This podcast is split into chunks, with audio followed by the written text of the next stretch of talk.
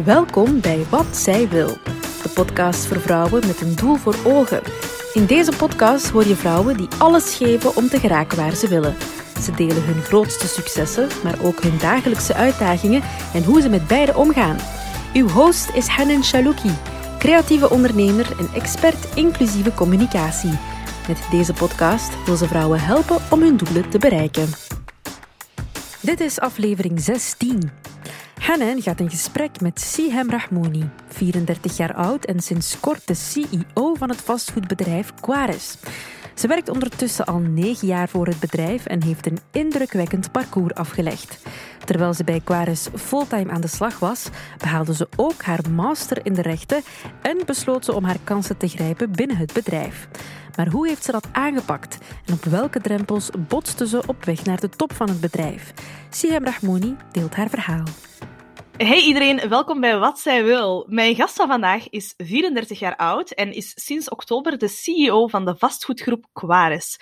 Een jonge vrouw aan de top van zo'n gigantisch bedrijf, dat hoor je niet zo vaak. Dus toen ik het artikel zag voorbij komen, wist ik, ik wil heel graag kennis maken met haar.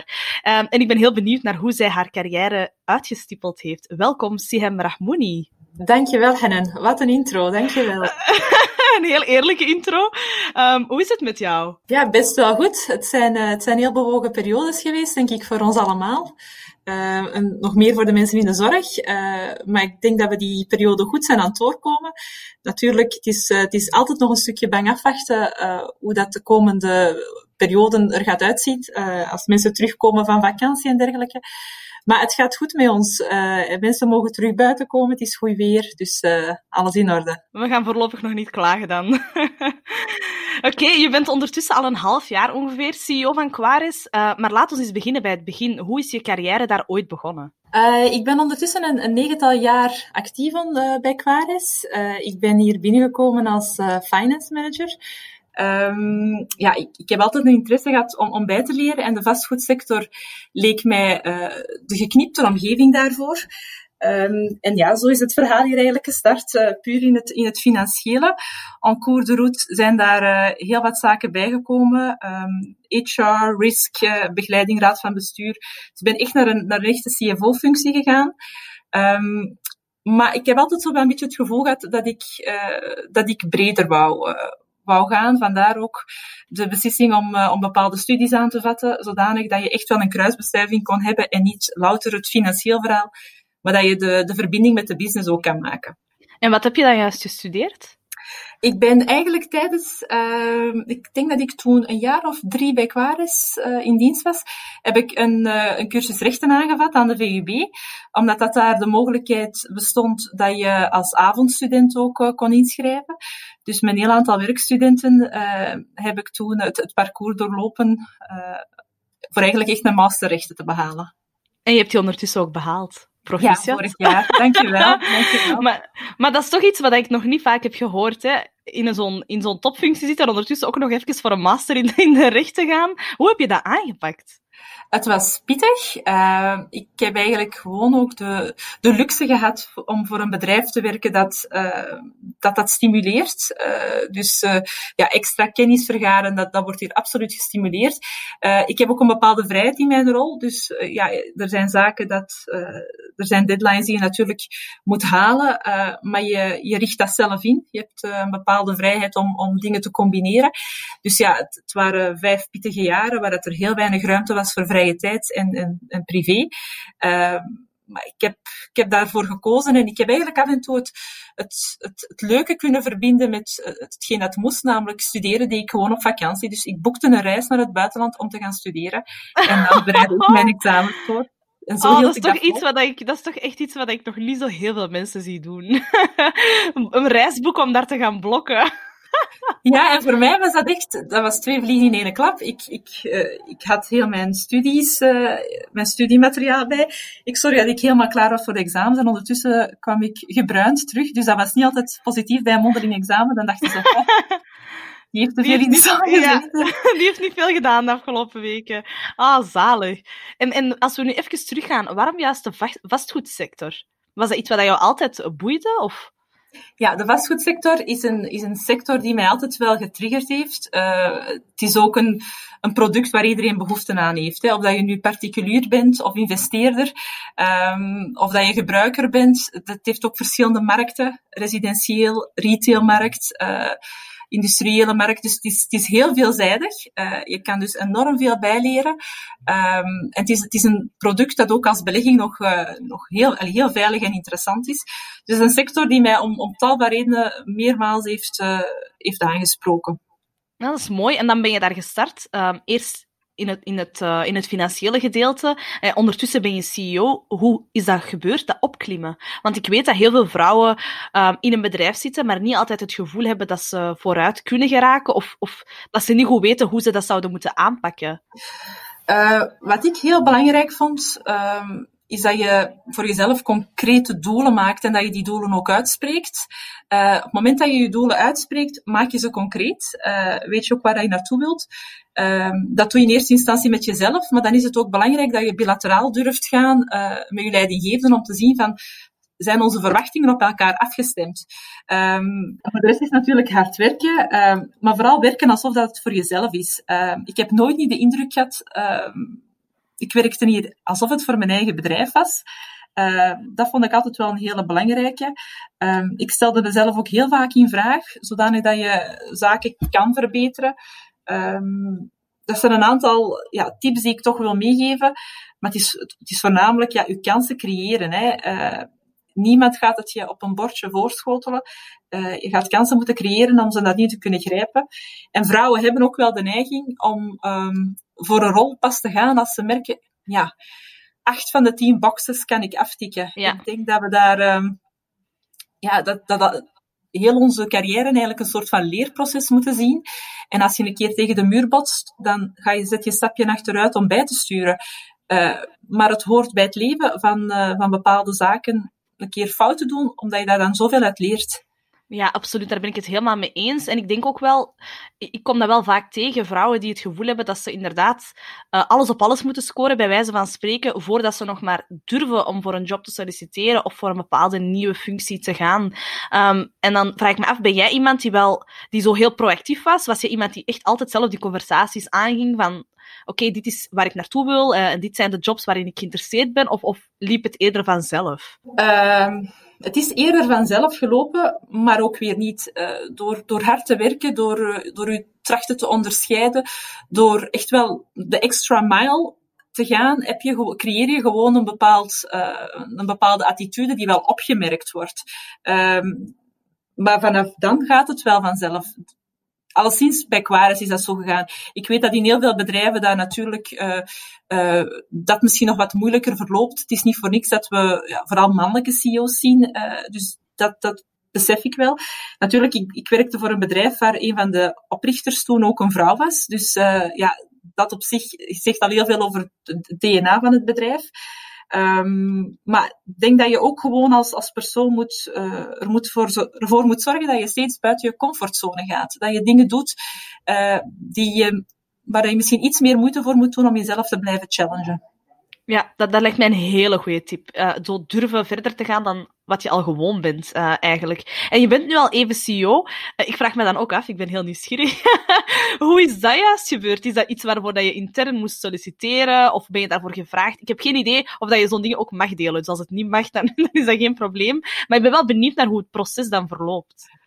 Um, het proces is heel natuurlijk verlopen. Um, ja, ik zit hier ook al negen jaar, dus ik, heb, um, ik ken het bedrijf door en door. En ik heb doorheen de jaren ook de kans gehad om, om, om mijn blik op Quare steeds te kunnen verruimen. Gestart vanuit finance, verbreed uh, naar het algemene raden van bestuur, uh, ondersteuning aan, uh, aan de raad van bestuur. Dus daar ben ik echt in gegroeid, maar het bleef ook een verrassing voor mij de moment dat de, de vraag gesteld werd. En ja, natuurlijk, het is geen engagement alleen van mij, het is een engagement van een directiecomité van Gans Kwares, van, van een team uh, waar je eigenlijk uh, samen mee bouwt aan, het, aan, het, uh, aan de verdere groei van het bedrijf. Dus in dat opzicht was het voor mij een eer om, om, om dit team naar een next level te kunnen brengen. Ja, dat kan ik me zeker inbeelden. Was je direct enthousiast of had, was er toch nog een beetje twijfel? Ah, ik zou liegen als ik zeg dat ik uh, direct enthousiast was, want net als elke persoon is het heel normaal dat je even met die faalangst af te rekenen krijgt en dat je dan zegt van, we can do this. En, uh, en, en dan is het gewoon gezond verstand gebruiken en er vol een bak voor gaan. Dat is, dat is heel mooi gezegd. Um, maar je bent ook een jonge mama. Um, en iets wat ik zelf altijd verschrikkelijk vind, is dat de kwaliteiten van een vrouw heel vaak in vraag worden gesteld als ze moeder is. Um, dat er heel vaak wordt gezegd van, ja, ah maar je bent ook mama en ga je daar dan wel tijd voor kunnen maken? En zou je wel gaan voor die promotie? Alsof dat je dan altijd minder geïnteresseerd bent um, in je job of in je carrière. En dan vraag ik me af, heb jij ook al met zo'n vooroordelen te maken gehad? Nee, echt niet. Maar ik begrijp het wel. Ik, uh, ik ben inderdaad... Uh sinds april uh, mama geworden. Dus mijn zoontje is een jaar. Dus heel de corona was voor ons uh, uh, ja, ook heel intens. Je hebt, je, je hebt een zoontje dat ineens zijn eerste stapjes zet terwijl hij in een teamsvergadering zit. Um, dus dat is wel, dat is wel heftig. ik begrijp van waar dat die vraag komt, want het is wel iets dat heel jouw leven verandert. En als je daar als gezin niet op bent afgestemd, ehm, dat ja, beide partners eigenlijk inspanningen moeten leveren, dan wordt het heel, heel moeilijk. Uh, dus ik begrijp enigszins wel van waar dat die vraag komt. Ik heb het alleen, ik heb het geluk gehad uh, dat hier zelfs geen, dat, iets, dat dat hier niet heeft gespeeld. Integendeel, ik denk dat ik uh, hoogzwanger was toen men, toen men sprak over de positie van, uh, van CEO. Oh, dat is geweldig. Dat heel actueel waren. Dus uh, nee, ik heb het persoonlijk niet zo ervaren. Dat vind ik heel mooi om te horen. En ik denk dat dat ook wel ja, sowieso te maken heeft met het bedrijf waar je werkt.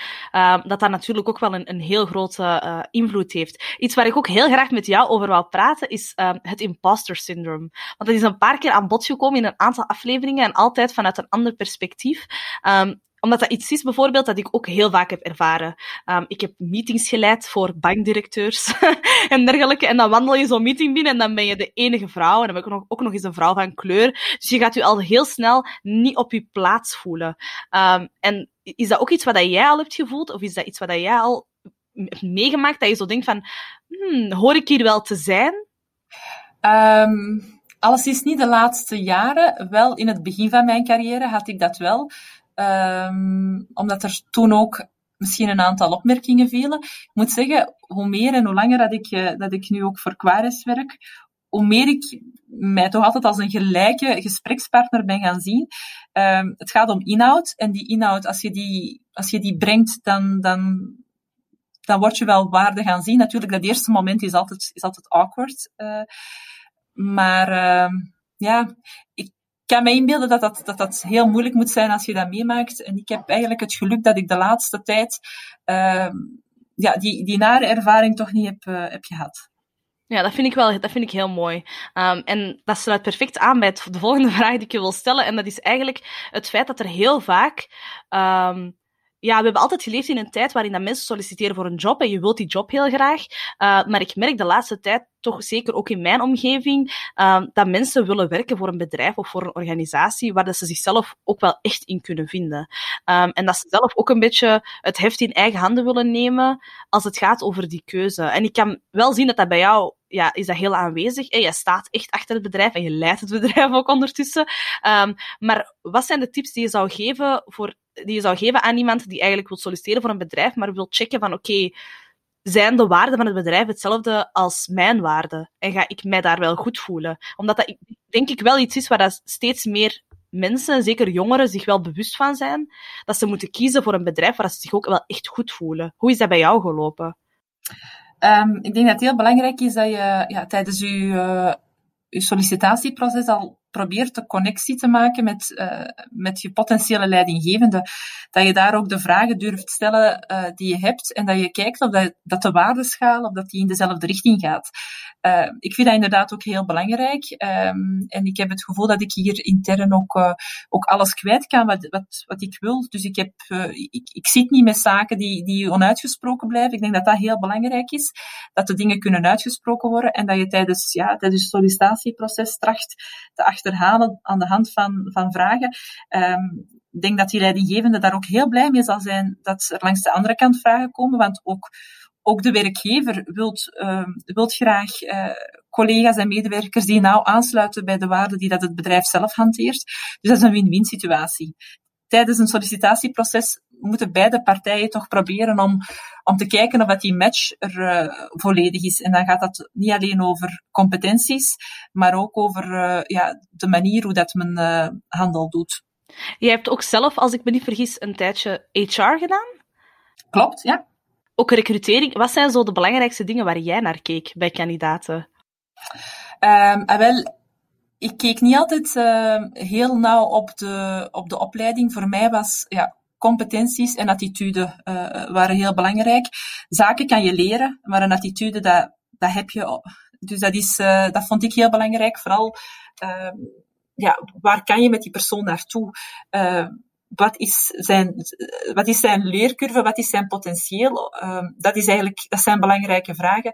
En veel minder welk, welk diploma heeft hij behaald. Ja, dat vind ik ook wel een, een, een heel belangrijke shift die ik nu zie. Dat er wel steeds meer wordt gekeken echt naar die attitude. En ik heb zelf ook al gemerkt, um, als ik sollicitatiegesprekken deed, ik heb ooit eens een gesprek gedaan met iemand. En dan vroeg ik van, ja, waarom wil je hier komen werken? En dan was het antwoord iets van, uh, ah, ik woon hier aan de overkant. Dus het is eigenlijk echt super evident en heel dichtbij.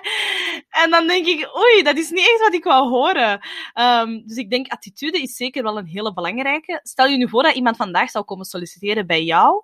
Hè, en die is, die is heel enthousiast, maar je zou misschien twijfelen over, ja, omdat hij bijvoorbeeld niet per se de juiste opleiding heeft of, of het ideale, uh, ideale functieprofiel op papier. Zou je dan die toch nog een kans geven? Uh, dat, dat hangt er natuurlijk vanaf voor welke functie dat, dat is. Als, dat, uh, als die leercurve haalbaar is en als die switch haalbaar is, uh, uiteraard, wij geven altijd de voorkeur aan, de meest geschikte kandidaat. Maar dat, dat heeft niet altijd met, met, met diploma's te maken of met opleiding.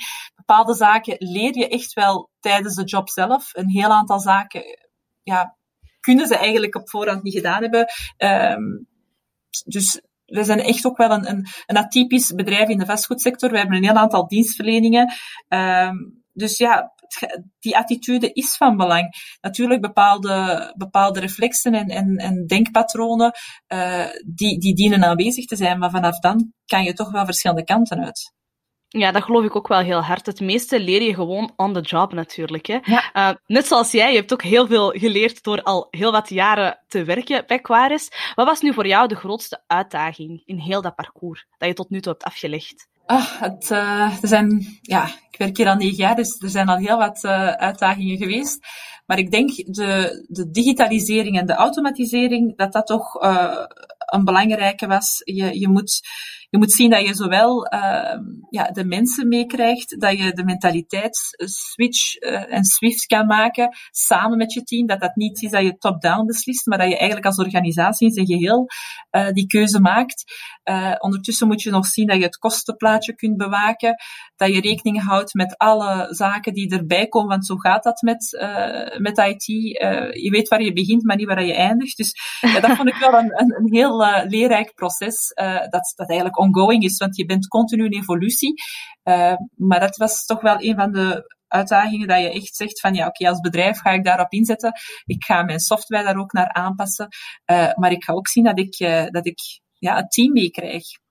Ja, dat is, een, dat is zeker geen gemakkelijke. Ik merk dat ook heel vaak, omdat ik, ik begeleid vaak processen rond inclusie en diversiteit. Um, en dat is ook altijd ja, best wel een uitdaging om mensen daarin mee te krijgen. En alleen al die, ja, die mindset aan te passen, laat staan dat je nog ja, samen door heel dat proces moet gaan. Dat kan best wel, uh, best wel uitdagend zijn. Um, nu, je zit nu eigenlijk in een leidinggevende positie, de hoogste functie uh, binnen een bedrijf. Uh, wat zijn voor jou de eigenschappen, of de eigenschappen die een goede leider zeker moet hebben? Um, een goede leider, ja, heel wat eigenschappen bij elkaar eigenlijk. Uh, maar het belangrijkste is dat je een omgeving creëert waar je mensen kan enthousiasmeren, uh, waar je dus ja, het team meekrijgt, dat je duidelijkheid kan brengen over de richting waar het bedrijf in gaat. Maar voornamelijk dat je stap voor stap bouwstenen, uh, bouwstenen legt um, voor, een, voor een bedrijf dat verder kan zonder jou. Dat, dat mensen perfect weten uh, wat van hen verwacht wordt, dat bij wijze van spreken richting zelfsturende teams gaan, uh, waar dat je als leider niet meer essentieel bent, waar het bedrijf ook na jou een, een toekomst heeft. Dat vind ik heel belangrijk en dat komt niet van één persoon, dat komt echt vanuit een team. Uh, dus ik denk dat dat heel belangrijk is, dat je dat probeer ik zelf ook naar te streven. Dat er voldoende processen zijn, um, dat er ook voldoende echelons zijn waar dat mensen bij terecht kunnen, dat, dat het bedrijf niet afhankelijk wordt van één persoon. Dat vind ik een heel mooi antwoord, um, omdat je inderdaad vooral vanuit de groep ook gaat denken. Um, er zijn zo heel veel stereotypen over ja, vrouwelijke leidinggevenden. De mannen zouden, zouden een vrouw minder snel serieus nemen, et cetera. is dat iets waar jij soms last van hebt gehad? Nee, maar misschien ook omdat ik het niet toelaat. Uh, ik heb er nog niet veel last van gehad. Um, nee, en ik denk als je dat meemaakt, dat het belangrijk is dat je terugvat op je content. Dat je facts uh, terug haalt, want daar gaat het per slot van rekening om. Dat je de, ja, de win-win steeds kan, kan blijven zien, de dialoog kunt houden. Uh, dat zijn een aantal belangrijke kernpunten die ik zou willen meegeven. Uh, maar ik ben ook heel blij dat ik het nog niet veel heb meegemaakt. Ja, maar ik denk wel dat het... Het is niet aan iedereen besteed, denk ik. Uh, maar je moet wel sterk in je schoenen staan. Zeker als vrouw in een leiderschapsfunctie, uh, denk ik dat het... Ja, het is heel vervelend, hè, maar het is gewoon gemakkelijker om... Ja, hoe zeg je dat? Dat er zo een bepaalde soort disrespect kan komen van mensen. Simpelweg omdat je een vrouw bent. Ik vind dat verschrikkelijk, hè? maar dat is wel iets wat ik al vaker heb gehoord van... Ja, ik, ik wandel een meeting binnen en, en ze nemen mij gewoon niet altijd even serieus, omdat ik maar de enkel de vrouw aan tafel ben. Um, en dat lijkt mij natuurlijk heel vervelend, maar ik kan me inbeelden dat dat bij jou moeilijk is, dat je wel jouw mannetje staat. uh, ik, heb als ik terugkijk op mijn carrière, ik heb die ervaring ook gehad hoor. Dat is nu ondertussen wel een... Uh lang is dat al geleden? Het zal een twaalf jaar geleden zijn dat ik zo'n erva ervaring ook heb meegemaakt. Ik had dan ook weer het geluk uh, dat mijn leidinggevende voor mij opkwam. Uh, het was inderdaad niet leuk om aan te horen dat ik als uh, eh, 23-jarige vrouw uh, ineens dat dossier moest opnemen, dat dat toch, niet, dat, dat toch geen goede beslissing was. dat kwam inderdaad wel hard aan, maar als je dan weer ja, de content en, en de facts naar boven kan brengen en, en dubbel, dubbel zo hard gaat, dat is het eigenlijk altijd. Hè. Je moet dan dubbel zo hard werken om, om, om je te kunnen bewijzen. Um, ja, dat is, dat is absoluut niet prettig, maar nadien trek je wel aan het eind. Absoluut. Ik denk ook wel dat het ergens, ergens misschien een voordeel kan zijn om onderschat te worden. In die zin dat je altijd wel ja, kan bewijzen dat het niet zo is natuurlijk. Het zou niet moeten, uiteraard, maar het geeft je wel de kans op een hele sterke comeback. Nu, Sihem, je zit nu negen jaar bij Quaris. Hè? Uh, wat was voor jou echt een hoogtepunt in het parcours dat je afgelegd hebt? Wat was voor jou zo een van de momenten waaraan je denkt, oh, dat, was echt, uh, dat was echt een topmoment? Oh, ik denk dat, er, uh, dat ik heel wat hoogtepunten heb gehad bij Quares, heel wat mooie momenten heb, uh, heb meegemaakt. Maar de cherry on the cake was natuurlijk uh, de moment dat, ja, dat ik wist dat ik samen met mijn collega's Bart en Sonny um, een persoonlijke touch aan het bedrijf kon geven en dat, het, dat heel de operationele leiding in, ons, in onze handen kwam dat we samen met ons team um, ja, de toekomst konden ingaan. Dat blijft natuurlijk, ja, dat is ook het meest recente moment natuurlijk, maar dat blijft voor mij wel een, een, een hoogtepunt uh, in mijn carrière. Dat kan ik mij zeker, uh, zeker inbeelden. Het moment dat je opeens die verantwoordelijkheid krijgt en dat vertrouwen, dat dat je echt wel een boost, een boost moet geven. Um, ja, juist. Je bent zelf echt op negen jaar, uh, je hebt heel veel mooie stappen gezet binnen je carrière. Wat zou nu jouw belangrijkste tip zijn voor vrouwen die ook wel vooruit willen geraken binnen een job? Intrapreneurs, wat moeten zij zeker meenemen? Jezelf blijven uitdagen en uit die comfortzone komen, want het is te gemakkelijk om te blijven doen wat je al kan. Doe dingen die je niet kan. En als je daardoor uh, af en toe omvalt, dat is niet erg. Er zal zeker iemand zijn in jouw omgeving die jou terug rechtop, uh, op rechtop helpt. Dus het is heel belangrijk om, om te focussen op waar je, waar je graag doet, wat, dat je, wat dat je wilt bereiken en om daar gewoon ook voor te gaan. Uh, en zorg dat die doelen toch wel buiten jouw comfortzone ligt. Uh, dat die doelen buiten jouw comfortzone liggen, beter gezegd, om, ja, om kansen te kunnen creëren. Sihem, beschouw jij jezelf als succesvol? Ik ben heel fier om te kunnen staan waar ik vandaag sta. Ik heb daar hard voor moeten knokken, maar dat was het meer dan waard. Prachtig. Prachtige afsluiter. Dankjewel voor het gesprek, Sihem Rahmouni. Dank je, Hanan. Sihem Rahmouni is een straffe madame. Ze heeft binnen Quaris een mooi parcours afgelegd en daar veel uit geleerd. Maar wat moet je nu zeker onthouden na deze aflevering? Sihem is altijd heel duidelijk geweest in wat ze wou bereiken, maar durfde hier ook conversaties over aan te gaan. En dat is wat uiteindelijk het verschil kan maken. Dus spreek je doelen uit, niet alleen voor jezelf, maar ook naar anderen toe. Uiteraard moet je hard werken, maar door je doelen voor ogen te houden, weet je ook waar je naartoe werkt. Daag jezelf ook uit en treed buiten die comfortzone. Het is iets wat Sihem ook altijd gedaan heeft. Zo leer je constant bij en krijg je de kans om nieuwe skills en talenten te ontdekken. Het is oké om af en toe compleet de mist in te gaan, maar dat kan alleen als je ook voor iets durft te gaan waar je nog geen meester in bent. Wat ik zelf ook een waardevolle tip vond, is dat je altijd je eigen attitude en waarden in het achterhoofd moet houden. Ga je solliciteren bij een bedrijf, zorg er dan ook voor dat je hier enthousiast over bent en dat je een match voelt met de waarden van dat bedrijf. Sihem heeft binnen Quaris verschillende stappen kunnen zetten, omdat het een bedrijf is dat haar waarden deelt. Probeer dus altijd te gaan voor een organisatie die een match is met wie jij bent en waar jij voor staat.